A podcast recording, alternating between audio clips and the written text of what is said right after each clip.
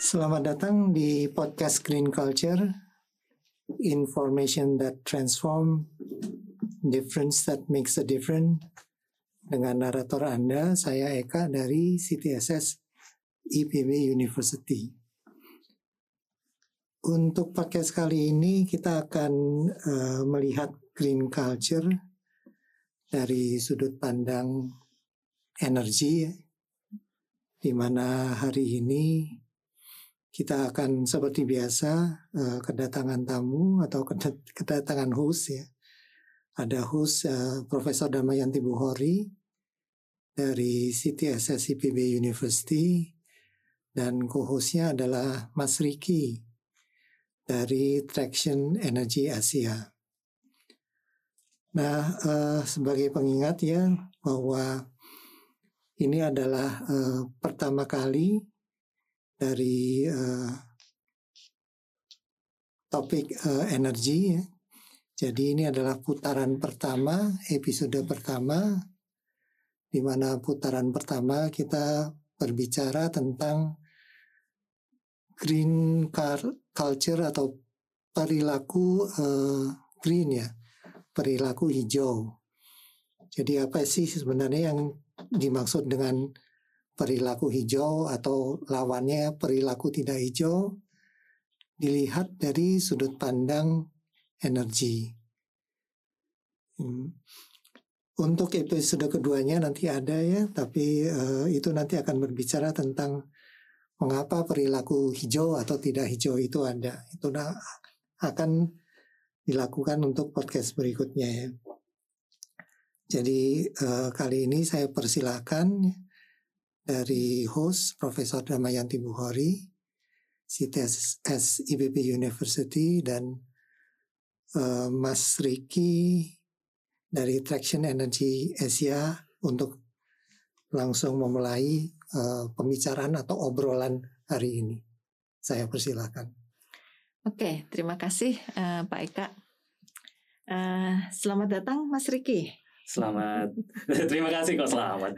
Terima kasih Bu Dami, Mas Eka. Oke. Okay. Dan juga 79% masyarakat Indonesia. 79%.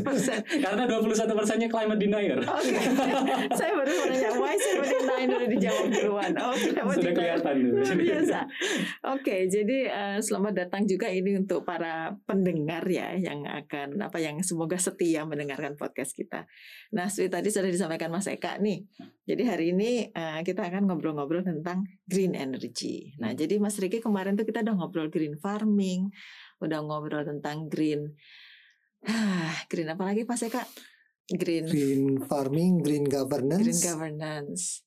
Terus green industry. Green industry. Hmm. Oke, okay. yeah. jadi ini adalah keempat ya. Yeah. Keempatnya hmm. adalah tentang green energy.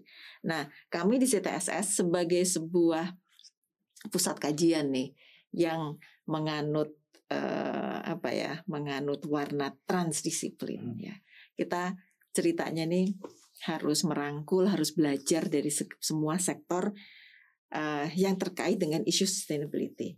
Nah, CTSS ini kebetulan memang tidak banyak tahu nih tentang green energy. Jadi dalam kesempatan ini ingin banyak bertanya uh, kepada Mas Riki ya terkait dengan green energy di Indonesia, di Asia bahkan di dunia. Nah, kalau boleh um, sebelum itu kita ingin kenalan dulu nih sama Mas Riki. Boleh, boleh. Nah, jadi silahkan perkenalkan dulu Mas Riki ini siapa. Halo, perkenalkan hmm. saya Riki Amukti dari Traction Energy Asia. Traction Energy Asia ini adalah lembaga riset uh, yang fokus pada penurunan emisi dan juga pada low carbon development serta transisi ekonomi dan transisi energi. Hmm. Seperti itu. Oke. Oke. Jadi uh, udah jelas ya pemirsa pemirsa ya eh, pemirsa lagi pendengar dari kemarin suka kebalik-balik. Oke, okay. nah sekarang kita uh, ini kita sebenarnya ngobrol-ngobrol aja Mas Riki ya, yeah. tapi uh, ngobrol with with uh, with uh, data nih karena yeah. kalau ngomong tentang energi kita harus akurat ini rupanya. nah pertama-tama yang sederhana aja dulu, um, sebetulnya yang disebut dengan Eh, eh, pengertian dari energi terbarukan itu apa toh? Oke. Jadi energi terbarukan itu kalau menurut eh, pengertian dari kami, Traction Energy Hmm. Asia adalah energi yang bisa diproduksi berulang-ulang dengan jangka waktu yang relatif singkat. Hmm. Tapi energi terbarukan ini menurut kami juga berbeda dengan low carbon energy. Jadi kalau kami menilai energi terbarukan belum tentu low carbon energy. Hmm. Seperti itu. Itu cukup umum diterima orang atau ini khas khasnya energi eh, tra- traction Asia nih? Kayaknya sih kayaknya sih masih kasih khasnya kami. Oke. Jadi karena karena karena ya kebanyakan persepsinya stigmanya energi terbarukan ya pasti rendah karbon gitu. Hmm. Tapi menurut kami energi terbarukan itu belum tentu rendah karbon. Karena di traction sendiri kita tuh apa ya menganut idealisme life cycle analysis.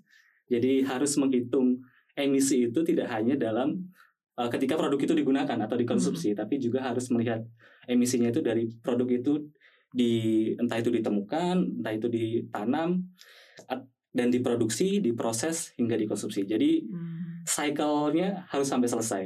Jadi bu- bukan serta merta kalau oh oke kita pakai ibarat kata panel surya, oke rendah emisi karena Hmm. lebih rendah daripada coal. Hmm. Tidak, kami juga harus melihat bagaimana panel surya itu di, di apa namanya diproduksi, apakah itu rendah emisi dan sustainable Hmm. kayak gitu. Oke, kok menurut saya ini keren banget nih berarti ada sesuatu yang baru karena selama ini saya juga taunya ketika orang bicara tentang renewable energy langsung konotasinya oh this is green Mm-mm. kita harus beralih ke sini. Iya, Nah sekarang kita dibukakan oleh uh, Mas Riki bahwa it's not necessarily so karena harus melihat Hmm. dari semua life cycle itu. Hmm. Wow, Uh, berarti ada yang pasti ada yang nggak setuju ya. pasti pasti banyak. Dan siap juga untuk memang dianggap berbeda ya. Iya, tidak masalah. Nggak masalah. Oke, that's what I like about the young generation. eh, ngomong-ngomong Mas Riki ini masih muda banget loh. Oke, jadi mungkin bisa disampaikan kepada kita semua. Ini jadi macam-macam energi terbarukan itu apa aja? Waduh, banyak banget sebenarnya kalau saya ka- ambil konteks lokalnya aja di Indonesia gitu kan. Di Indonesia itu ada panas bumi, ada bioenergi. Bioenergi nanti itu akan dipisah lagi menjadi tiga, biofuel, biomass, dan biogas. Jadi Wow. dibagi lagi. Terus ada juga bay- bayu atau angin. Terus ada juga hydro. Hydro ini dibagi lagi uh, apa namanya ma- micro hydro sama sama yang besar gitu kan. Terus ada surya. Uh, terus mungkin ya apa lagi ya? Mungkin itu sih kalau yang ada di Indonesia ada Hmm. panas bumi, bioenergi, angin, hydro dan surya. Oke, itu banyak banget ya. Potensi Em, banyak. sebetulnya kalau panas bumi itu saya udah sering denger ya waktu saya dulu mahasiswa this was back in 1980 ya. saya udah tahu tuh di Gunung Salak itu Mm-mm. ada perusahaan yang memang menghasilkan Benar. geothermal itu ya. Benar. Nah kalau udah sedemikian lama em, dan itu bagus ya karena Mm. katanya kalau untuk geothermal itu hutannya harus terjaga. Dan Mm. kenapa kok kemudian kita tidak lebih tertarik dengan yang ini dibandingkan yang lain? Kenapa tidak di geothermal gitu ya? Iya. Kalau geothermal itu tantangannya banyak, terutama di sisi finansialnya. Jadi eh, menurut pengalaman kami, kami bekerja sama waktu itu melak- melakukan penelitian dan riset. Mm-mm. Kita bertanya, kenapa sih eh, geothermal ini tidak dimasifkan atau tidak tidak progresif gitu? Eh, jawabannya adalah tidak ada asuransi. Asuransi apa? Asuransi untuk eksploratif. Eksplorasinya, jadi geothermal itu kan harus dieksplorasi dulu. Apakah ada gasnya, di mana, Hmm. berapa besarnya. Hmm. Nah, ketika tidak menemukan, ya itu rugi. Oke. Itu itu itu salah satu kendala utama. Yang kedua adalah ge- eh, geothermal ini kebanyakan kan diubahnya jadi listrik. Mm-mm. Eh, untuk regulasi listrik di Indonesia itu masih tidak mendukung untuk energi terbarukan karena mereka harus eh, jualnya ke PLN tidak bisa jual langsung sementara di ketika mereka jual ke PLN mereka harus dapat potongan lagi itu Oke. sih sebenarnya yang menjadi masalah masih menjadi masalah di Oke, energi terbarukan di Indonesia Oke. Jadi sebetulnya kompleks sekali ya. sangat kompleks Ini kayaknya Mas Eka mau nanya sesuatu tuh. Ma- matanya saya lihat ada sesuatu. Silakan Ya. langsung. Kalau kalau saya jadi pendengar nih sebelum kita bicara energi terbarukan, Hmm, saya penasaran sebenarnya sekarang di Indonesia didominasi oleh apa sih tentunya energi tidak terbarukan ya Oh, iya, pasti ya Pasti. tapi kira-kira seberapa berkuasanya sih energi tidak terbarukan itu dalam di Indonesia sendiri gitu. Kalau di Indonesia saat ini batu bara itu 39%. Terus oil itu 31%. eh apa namanya? Terus natural gas itu 19%. Untuk energi terbarukan itu 11%.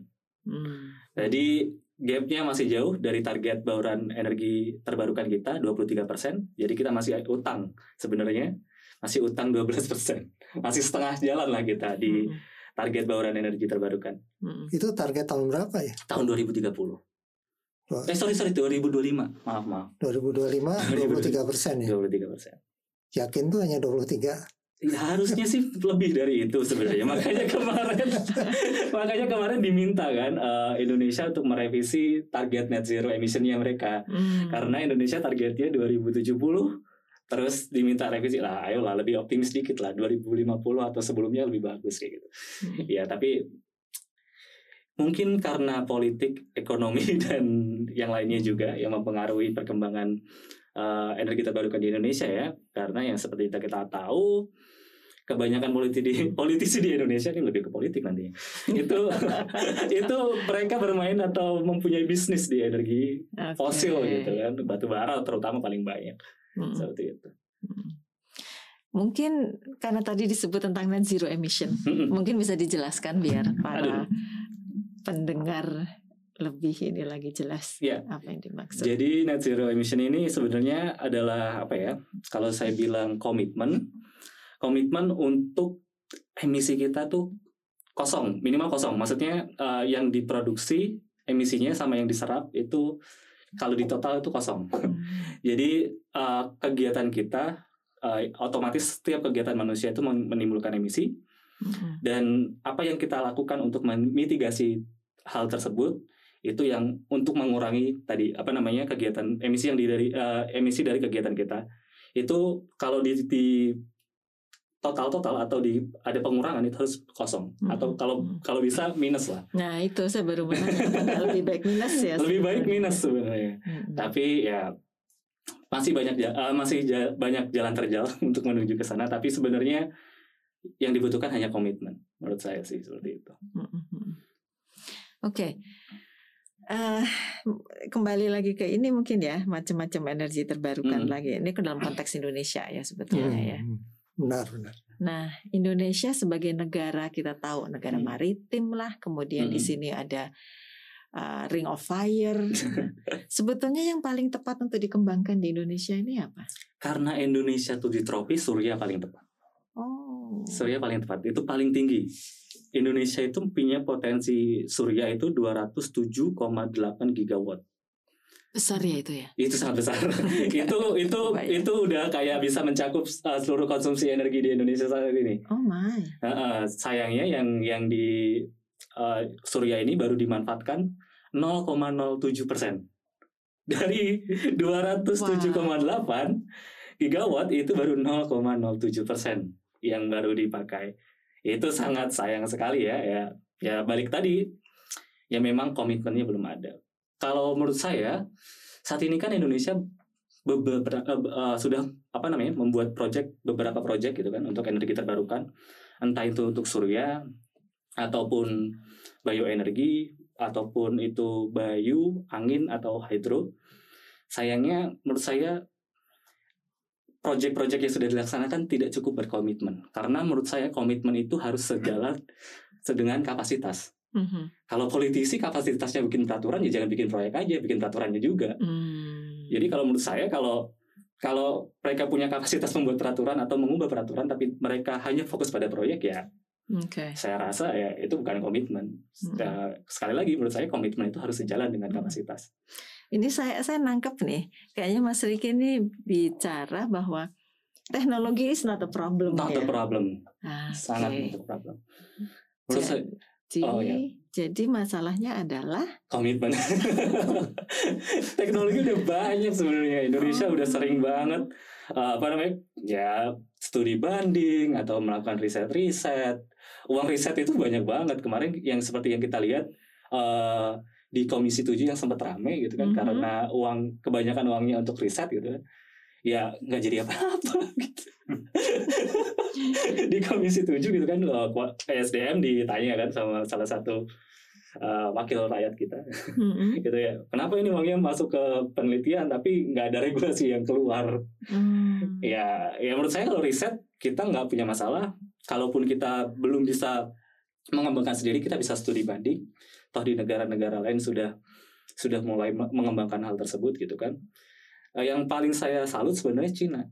Hmm. Dari paling paling polutan dia punya target untuk zero net di tahun 2060. Oke. 2060 apa 2000 berapa ya? Pokoknya dia udah berani berani zero net lah, udah berani komitmen zero net. Dan sekarang Cina adalah pengembang energi terbarukan terbesar di dunia. Padahal kita tahu betapa Cina itu sangat polutan Iya. ya. Ya, Cina sekarang yang paling maju dalam pengembangan energi terbarukan. Ya, itulah visi leadershipnya di situ. Iya, visi leadershipnya di situ. ya. Karena mereka ya ya menghadapi climate crisis lah kalau mereka Mm-mm. mereka Hmm. tidak mengubah perilaku konsumsi dan produksinya mereka. Oke. Indonesia sendiri kapan net zero emissionnya? Awalnya sih mereka Targetnya. berkomitmen 2070. Oke. Hmm, 2070 masih sangat lama. Masih lama. Masih sangat lama dan Mm. ya karena leader summit yang kemarin tanggal 22 eh, April April. Mm. itu yang diselenggarakan oleh Joe Biden itu eh, apa ya mendorong Indonesia untuk lebih cepat gitu kalau bisa ya sebelum itulah. Saya belum tahu Mm. eh, komitmennya sejauh apa karena kemarin jawaban dari Bapak Presiden kita cukup ambigu. Mm. Jadi jawabannya adalah ya ya kalau negara maju bantu ya gimana kalian tidak berkomitmen? Mm. Ya menurut saya sih masih masih Men- men- menurut Ricky kita perlu dibantu nggak sebagai negara kita bisa menjalankan itu sendiri atau memang kita perlu dibantu? hmm, sebenarnya kalau dibantu bisa sih kita bisa jalan sendiri tapi kalau dibantu itu bisa lebih mengakselerasi. Oke. Sebenarnya Indonesia itu punya potensi loh untuk investasi di energi terbarukan gitu. Ketika kita lihat potensi ekonominya atau potensi eh, eh, investasi eh, in- investasinya Investasi. belibet belibet saya. Di fosil itu cuma 78,9 miliar USD. Oke. Tapi potensi uh, investasi di energi terbarukan itu ada 205,8 miliar USD. Wow. besar ya. Sangat besar ya kan. Cuma ma- Indonesia ini apa ya masih belum bisa keluar dari kebiasaan produksinya masih bisnis as usual lah. Dia belum berani untuk mendobrak gitu. Padahal kalau mereka berani mendobrak potensi investasinya akan jauh lebih besar gitu. Untuk energi ya di sektor energi sebesar itu Mm. perbandingannya. Itu 200 sekian dolar itu potensi investasi kan. investasi untuk energi terbarukan di Indonesia dan itu hanya baru dari eh baru dari tiga negara Jepang, Korea dan Cina. Kalau kita melihat investasi yang lain gitu kan dari negara-negara akan lebih besar lagi dari itu. Hmm. Itu itu itu yang menurut saya menurut saya apa ya sangat disayangkan gitu kan. Kenapa dia mengambil uang yang cuma 78,9 miliar Mm-mm. dan apa ya menyingkirkan potensi 205,8 miliar USD. Mungkin karena masih terlena dengan apa udah ada di zona comfort itu Benar, ya. comfort zone. Pemerintah kita kan comfort zone kayaknya. Jadi khawatir juga nanti. Iya, ya. Benar. Ekosistem politik dan ekosistem ekonominya akan berubah. Hmm. Mungkin ketakutannya ada di situ. Hmm. Padahal kalau potensi ekonomi lagi ya, kalau dari energi terbarukan, saya mengutip eh, IESR gitu, eh, mereka bilang kalau energi terbarukan ini bisa dipakai atau diaplikasikan, itu bisa menyerap tenaga kerja 10,5 juta orang. Wow. Cocok banget dengan kondisi pandemi sekarang ya, yang iya. 3,9 juta orang Iya. kehilangan pekerjaan gitu. Iya. Jadi ada potensi juga sebenarnya di situ. Tapi yang investasi itu memang sebaiknya kan negara ya. Iya benar. Oke. Ya itu sayangnya mereka mengambil nilai yang kecil. Nggak tahu kenapa. Hmm, ya kalau udah ngomong apa keputusan-keputusan politik kita juga nggak tahu ya. Nggak nggak Saya tidak nggak- terlibat di berani- dalamnya. nggak berani masuk ke situ. Ya, ini jadi kalau dari hitung-hitungan logika harusnya begitu. Harusnya Kenyataannya beda, walau alam Hmm, kita nggak iya. tahu kenapa. Oke, oke. Em, kalau dilihat dari ini ya masyarakat kita kan kebanyakan masyarakat ya menengah mi- miskin miskin Hmm. banyak banyak sekali. Hmm. Kalau dilihat dari uh, tipologi masyarakat small scale seperti itu, Hmm. energi yang paling murah untuk dikembangkan itu nanti sebaiknya yang apa? Yang paling murah sebenarnya bioenergi. Oke. Yang bioenergi. Yang, Justru bioenergi. Jadi dari sisi Indonesia yang paling tepat adalah solar, solar, tapi dari segi affordable. affordable adalah Bioenergi. Oh, interesting. Jadi gimana nih? Ceritanya gimana nih? yang pertama kalau bioenergi ini feedstocknya udah existing ya. Jadi kalau kita ngomong bioenergi di Indonesia, perkebunan udah banyak. Mm-mm. Terus ya, terus apa namanya uh, pola konsumsinya juga terhadap produk-produk perkebunan dan pertanian juga cukup tinggi. Yang paling sebenarnya yang paling dekat dengan kita salah satunya adalah minyak goreng. Hmm? Jadi Minyak goreng. Iya, minyak goreng. Jadi minyak goreng ini uh, sudah banyak digunakan, tapi tidak di di Indonesia. Banyak digunakan di Eropa sebagai biodiesel, sebagai bahan bakar. Di Inggris itu 73% biodiesel mereka itu dari minyak goreng. Wow. Dari Indonesia. Yang feedstocknya dari Indonesia. Really? Ada datanya ada ya? datanya. Yang feedstocknya dari Indonesia. Oh Karena kita salah satu importir terbesar, eh eksportir eksportir. terbesar mi- uh, minyak, Minyak jelantah. Minyak oh jadi oh, sorry sorry bukan minyak gorengnya ya yang dimanfaatkan sebagai minyak minyak, jelantahnya. jelantahnya. Jadi hasil residu dari minyak goreng Ya itu yang paling itu padahal yang paling dekat dengan kita dan punya nilai keekonomian sebenarnya kalau masyarakat paham. Yang sangat disayangkan adalah minyak goreng atau uh, minyak jelantah ini dari residu minyak gorengnya ini minyak jelantah itu baru bisa dikumpulkan itu sekitar 3 juta kiloliter dari total konsumsi 16 juta kiloliter. Wow. Jadi yang dikumpulkan itu 3 juta kiloliter dan 2,3 jutanya Hmm. itu di, untuk dikonsumsi ulang. Jadi daur ulang. Hmm. Yang banyak kita temukan di gorengan-gorengan pinggir jalan dan sebagainya. Jadi potensi itu sering-sering terbuang sebenarnya. Jadi kalau susutnya adalah sekitar 50%, seharusnya kan ada sekitar 8 juta kiloliter Mm-mm. minyak jelantah, tapi yang dikumpulkan baru 3 juta. Berarti ada sisa yang dibuang.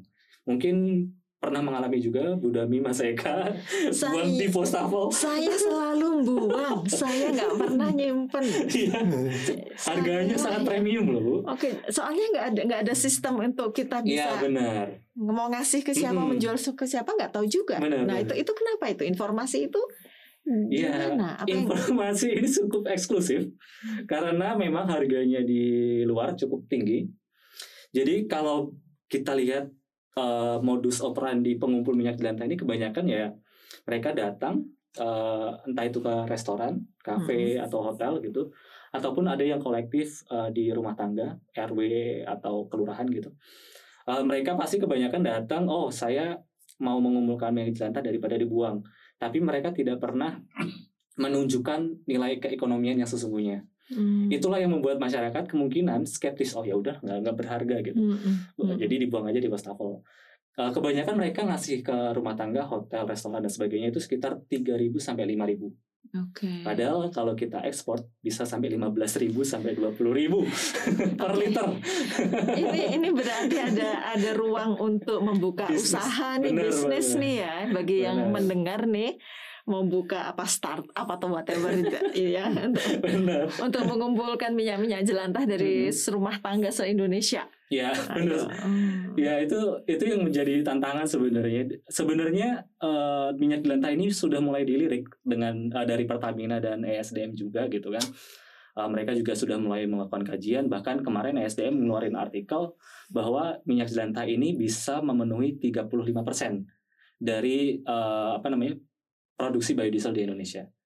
Cukup luar sangat banyak loh itu 35 persennya gitu. Kalau kita sekarang itu produksinya 12 juta kiloliter, ya kalau 35 persennya ya berapa dihitung saja gitu. Iya, Nah, itu itu yang cukup betul. Ya itu tadi sayangnya belum belum bisa dikoordinasikan dengan baik. Sebenarnya minyak jelantah ini nggak perlu kalau mau dibikin startup kalian eh, teman-teman yang dengerin ini nggak nggak perlu takut-takut banget soalnya Hmm.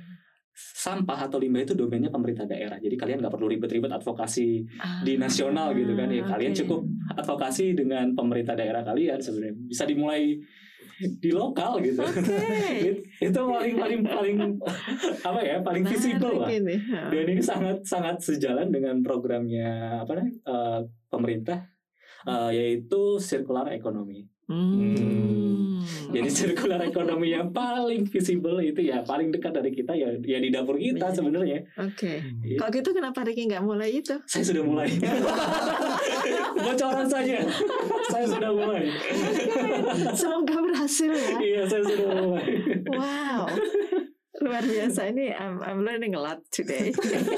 ini Mas Eka jadi senyum-senyum. saya sudah mulai tapi Iya. saya tidak orientasinya tidak ekspor. Saya Hmm. orientasinya adalah produksi sebagai biodiesel itu sendiri. Hmm. Oke. Karena kalau kita berhasil eh, kalau kita produksi biodiesel sendiri dari minyak jelantah itu akan menyerap lebih banyak tenaga kerja. Hmm. Jadi kan karena prosesnya lebih panjang ya, karena Hmm. kita harus melakukan pengumpulan, pre-treatment sampai produksi. Jadi ada tiga tahap yang membutuhkan ya tiga minimal tiga itulah tiga porsi lah Hmm. untuk pegawai.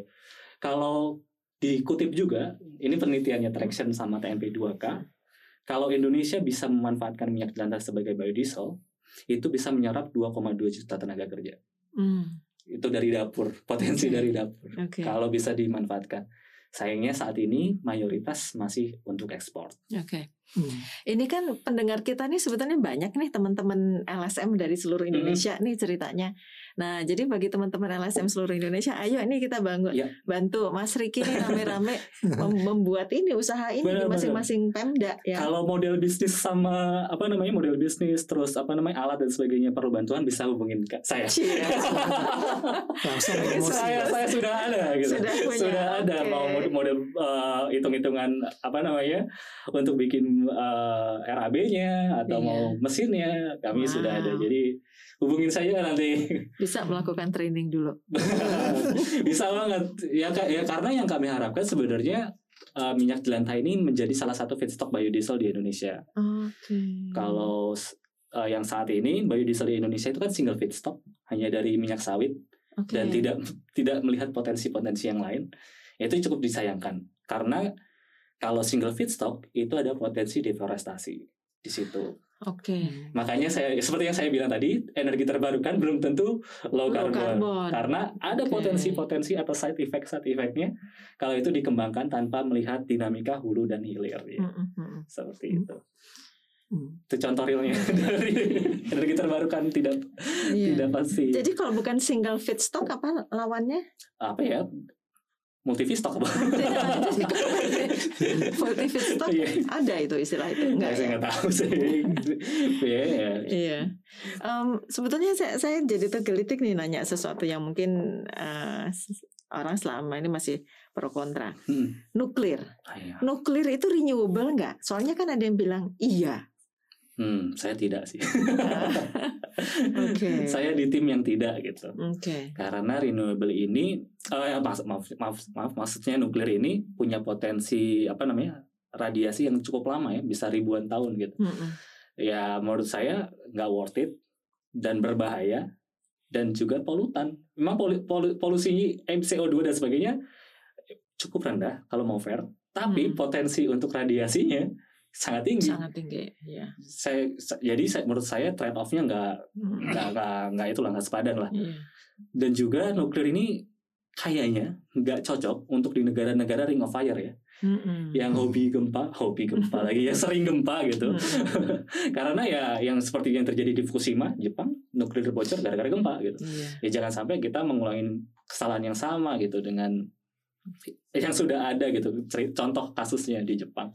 Iya. Menurut saya sangat nggak cocok, Mm-mm. s- sangat berbahaya karena sustainable energi eh, sustainable itu nggak cuma masalah emisi secara sosial dan ekonomi juga harus dilihat kan Mm-mm. kebanyakan kan kalau kita ngomong sustainable fokusnya adalah oh ini carbon em- low carbon emission dan baik untuk lingkungan tapi yang sering Mm. dilupakan adalah aspek ekonomi dan sosialnya Hmm. bayangin aja kalau nanti nuklirnya seumpamanya amit-amit itu bocor gitu kan Mm-mm. Mm-mm. satu kota hilang Iya. ekonomi di kota tersebut juga hilang gitu Belum lagi keturunan anak nanti iya terus anaknya sakit-sakit nanti sakit-sakit uh, Hmm. bermutasi sebagai Hmm. nggak tahu deh nanti mutan manusia kayak film itu. iya jadi jadi menurut saya sih tidak worth it Hmm. dan menurut saya enggak bukan Hmm. renewable energy karena potensi bahayanya lebih besar daripada potensi Walaupun manfaatnya. itu juga school of thought yang berbeda juga Benar. mengatakan lainnya juga bahwa Nah, itu very pasti. clean, very safe dan sebagainya ya. Iya, menurut saya sih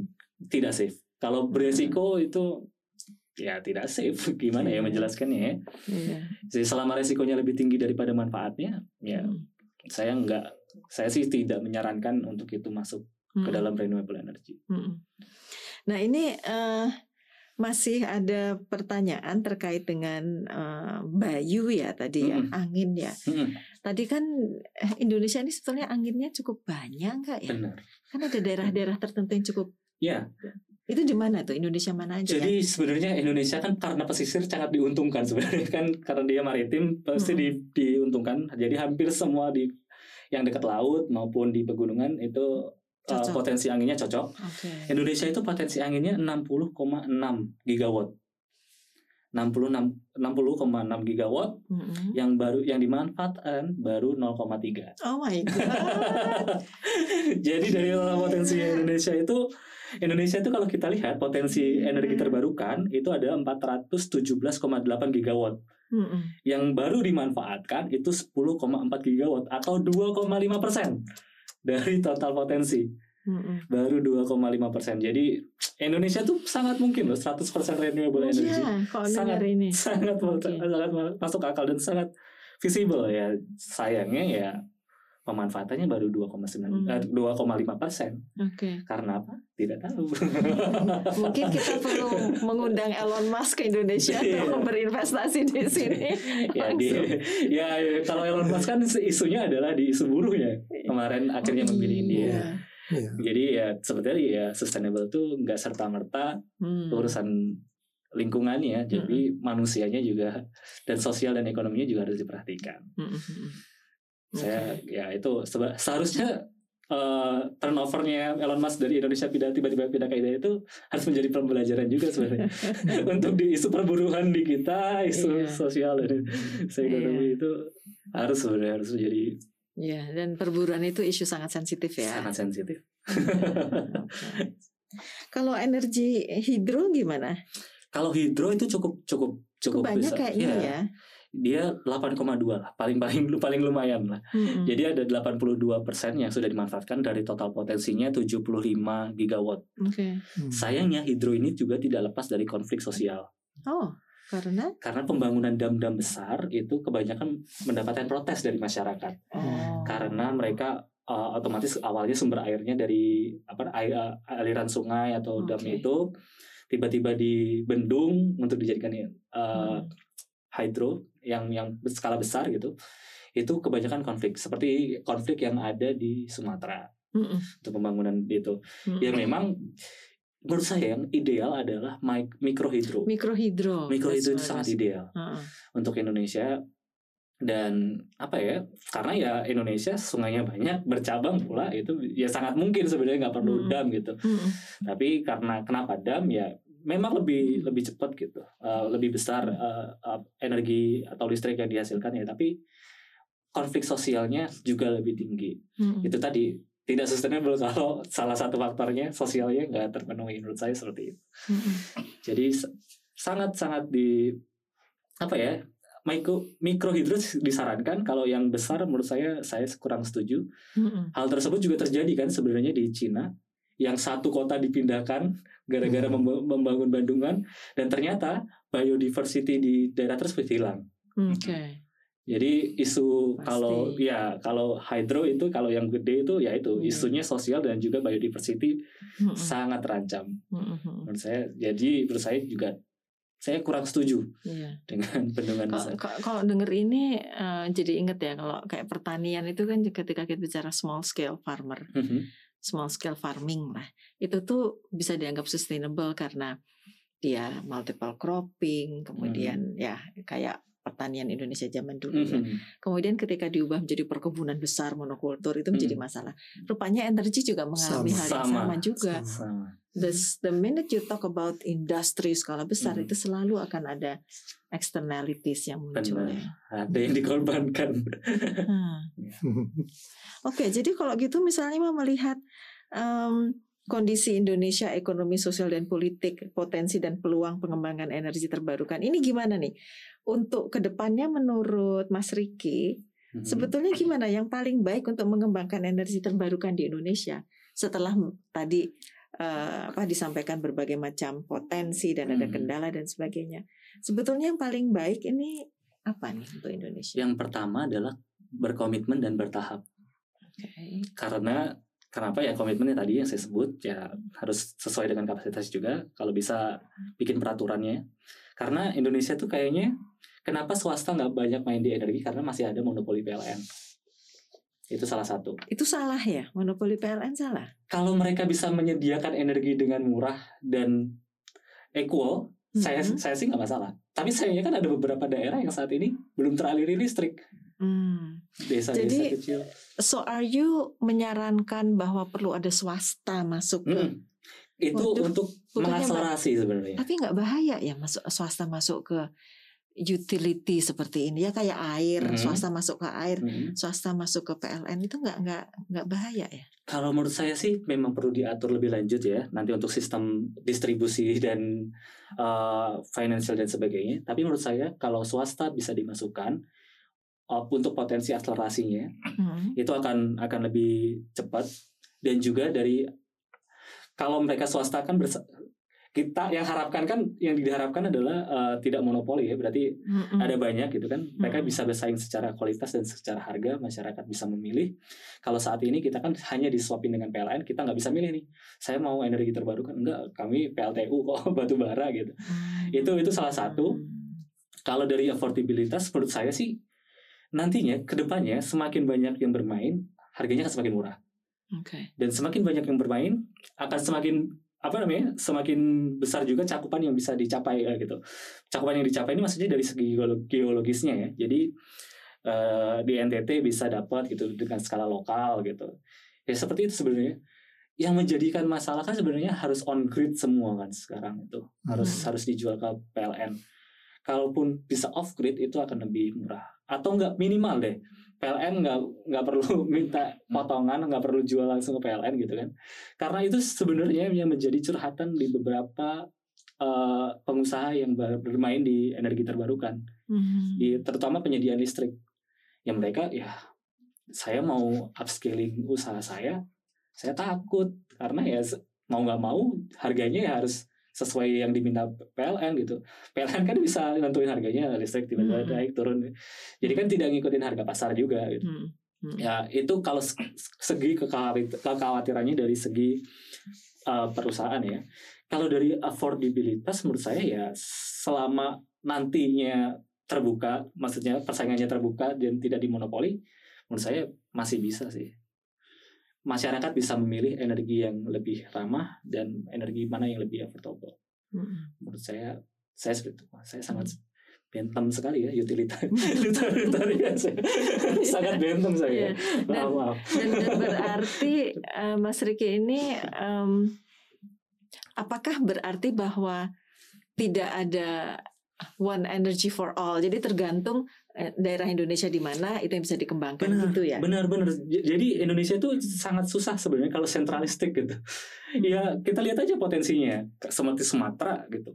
Sangat banyak plantation. Hmm. Ya nggak cocok juga kalau dipaksa-paksa sama eh, energi surya walaupun potensinya juga sama-sama besar ya. Hmm. Ya pakai aja bioenerginya di situ. Oke. Sementara di Jawa yang nggak punya perkebunan gitu kan, ya udah pakai surya dan sebagainya. Hmm. Sementara di Bali mungkin eh, ada sungai atau apa ya kayak hidro atau mau Hidro. pakai ya yang penting apa ya energi itu setiap daerah memiliki potensi masing-masing jadi jangan jangan sampai di Hmm. jangan di sampai di nasionalistik lah jadi jangan semuanya batu bara lah Ya, Hmm. manfaatkan lo- potensi yang ada di daerah tersebut dilokalis dilokalisir lah maksudnya bukan dilokalisir ya di apa ya Iya, ada culture, ada ada Ah, lokal konteksnya. ada lokal konteksnya Hmm. jadi kalau terutama di Sumatera oke banyak perkebunan ya udah bioenergi gitu Hmm. di Bali banyak apa namanya surya atau banyak hydro ya udah pakai itu gitu aja sebenarnya ya nggak perlu semuanya harus batu bara gitu Hmm. di Indonesia kan saat ini semuanya batu bara sayangnya Iya. seperti itu Karena itu paling murah saat ini kali ya. ya karena disubsidi. Oke, oke, oke, Mas Riki nggak terasa nih, ternyata waktunya sudah eh, ini sudah selesai. Ya. Jadi em, mungkin eh, bukan membuat kesimpulan ya, kita di sini tidak pernah buat kesimpulan, tapi mendengarkan apa yang Mas Riki sampaikan tadi hmm. saya jadi sangat um, apa ya being reflektif juga karena ini kalau kaitannya kepada sustainability ya. Hmm. Jadi ketika kita bicara tentang sustainable energy mau nggak mau berarti local context itu menjadi sangat penting. Sangat penting. Kemudian kita juga uh, komitmen tadi ya komitmen hmm. itu menjadi nomor satu ya. Uh, sehingga tidak bisa one size fit all itu menjadi menjadi penting. Tapi ini berarti polisinya yang mungkin harus di benar menurut saya sangat itu mas itu yang menjadi masalah hmm. ya hmm. ya saya kebanyakan mendengar curhatan juga sebenarnya hmm. baik dari pemerintah maupun dari perusahaan dari perusahaan itu ya kebanyakan mereka nggak pengen melanggar tapi mereka dikasih akses untuk melanggar kebanyakan gitu yeah. jadi gimana gitu okay. mereka pengen uh, apply sustainability tapi tidak ada kebutuhan untuk itu hmm. tidak ada requirement dari pemerintah untuk uh, mewajibkan mereka sustainable ya mereka hmm. ya udahlah gain ya udah. as much profit as they can gitu. Ya, ya. Uh, gitu. Selama dimungkinkan. Nah. Oke, okay, luar biasa. Jadi mungkin kita sudahi dulu untuk putaran kali ini. Mas Riki, ya. makasih ya. banget ketemu sama, lagi sama. nanti di edisi kedua. Ya. Mas Eka, saya kembalikan ke Mas Eka. Ya, uh, terima kasih. Banyak sekali belajar. Yang pertama itu bahwa energi terbarukan belum tentu low carbon itu penting banget. Ya. Dan dari pembicaraan ini kesimpulan saya bukan kesimpulan sih. Apa yang saya pelajari mungkin adalah karena ini hajat orang banyak ya. Hmm. Jadi ya memang begitulah situ. ya moga-moga ada terobosan lah. Yeah.